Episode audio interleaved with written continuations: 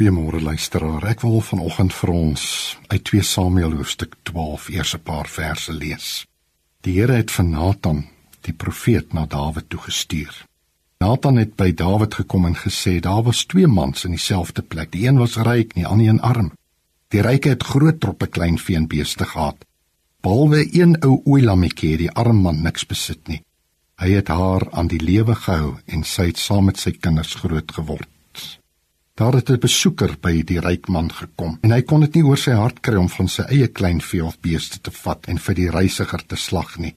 Toe vat hy die ooilam van die arme man en slag haar vir sy gas. Dawid het onbloedig vererg oor die man en vir Nathan gesê: "So seker as die Here leef, 'n man wat dit oor sy hart kan kry om so iets te doen, moet doodgemaak word." "Jy is die man," sê Nathan toe vir Dawid. Dis altyd goed wanneer 'n mens 'n bietjie selfondersoek oor jou eie lewe kan doen en jou dade soos 'n spieël aan jou voorgehou word. Miskien ontdek jy dan dat jy nie altyd so reg opgetree het as wat jy dalk gedink het jy het nie. Die geskiedenis van Dawid kan ons hiermee help. Dawid het oorspel gepleeg met die mooi vrou Batsheba, die vrou van een van sy manskappe Uria.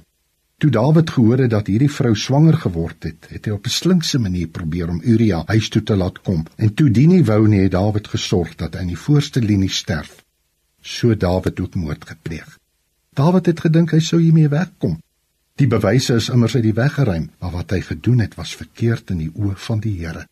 Die Here het vir die profeet Nathan na Dawid gestuur om 'n spieël voor Dawid te hou en hy sy eie dade kan beoordeel.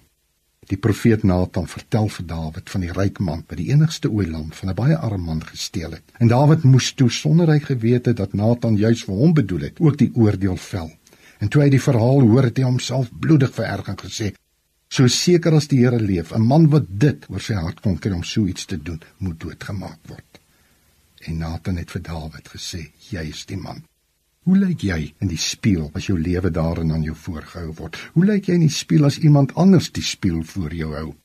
Dawid het gelukkig gaan jammer sê voor die Here. Wat doen jy? Word jy dalk kwaad as iemand jou tereg op jou foute kom wys? Of kan jy ook jammer sê voor die Here en vir hulle wat jy te nagekom het? Troue Here, dankie dat ons in die spieël van u woord onsself altyd leer ken as iemand wat nooit 100% volgens u wil en gebooie leef nie. Maar Here, as ons onsself dan beoordeel en ons sien ons staan skuldig, mag ons ons toevlug neem tot ons getroue saligmaker Jesus wat ons vergewe. Dat ons ook kan sê, jammer Here, en in liefde teenoor ander gaan lewe. Amen.